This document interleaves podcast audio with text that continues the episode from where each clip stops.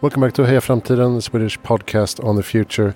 My name is Christian von Essen. I'm uh, at Nordic Food Waste Summit here today in Stockholm. Uh, we just finished uh, the summit today, and I'm sitting here with Anja Bakken Riise from an organization called Framtiden i våra händer, Future in Our Hands. What can you tell us about that organization? When did it start and why? We started 49 years ago, and we're an environmental and solidarity organization uh, with more than 45,000 members actually. So we're one of the biggest uh, organizations in, in Norway. Uh, we work a lot on issues regarding overconsumption and basically the reason we care about that because we see in so many issues that the overconsumption that we have in especially the Nordic region it comes with a high environmental cost and it also often comes with some level of exploitation of people and a workforce often in other countries. Uh, so so we try to work on the issues that intercept between uh, climate nature and and social rights.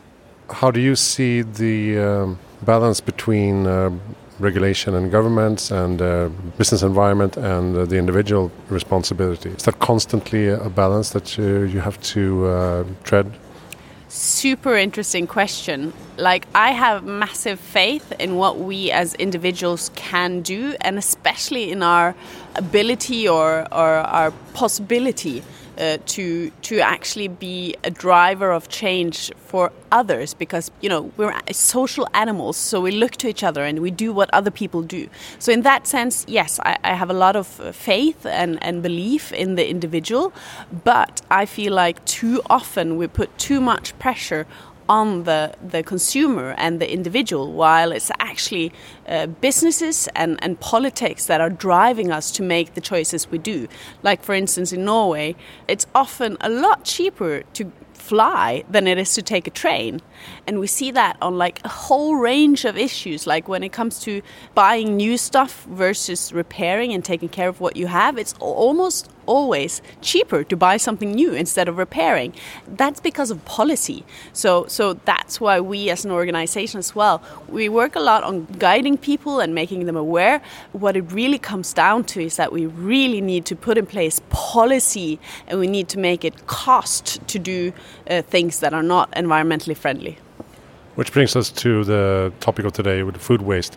Uh, you are asking for a uh, ban on food waste in Norway, right? I mean, uh, some some people say a food waste ban, some people say a food waste law. Basically, what we want is to put it into law. This this goal that we have to to halve uh, the food waste by 2030, uh, and also to actually make companies responsible to prevent food waste from taking place.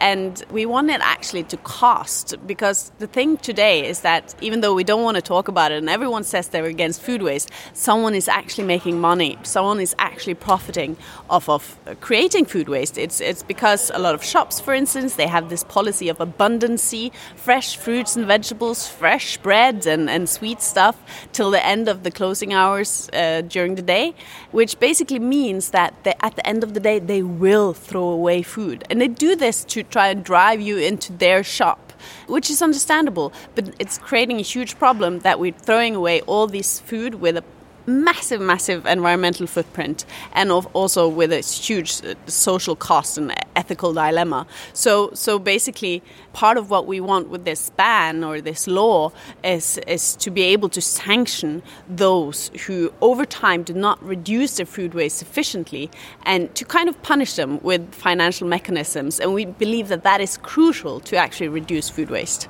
Yeah, we've been hearing this again and again today that we need to make it more costly to waste food. I mean, the, the supply chain, uh, the value chain is, is complex, so uh, it's a lot about finding the right balance between leg legislation and technology and individual responsibility, of course. But what are you taking away from this summit today? Mm.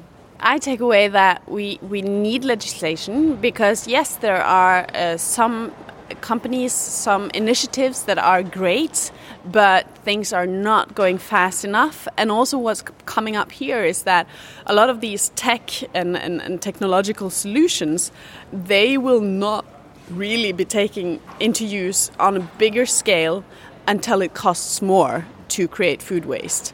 Uh, so increasing the price of food waste is, is an initiative or an incentive to take into use all this technology that is already available and it will actually make it possible to minimize food waste by 50% by 2030 like we're trying to. Great. Thank you so much Anja Bakken from uh, Framtiden i våra händer uh, future in our hands. Uh, you're going to run to the train now, uh, go back to Oslo.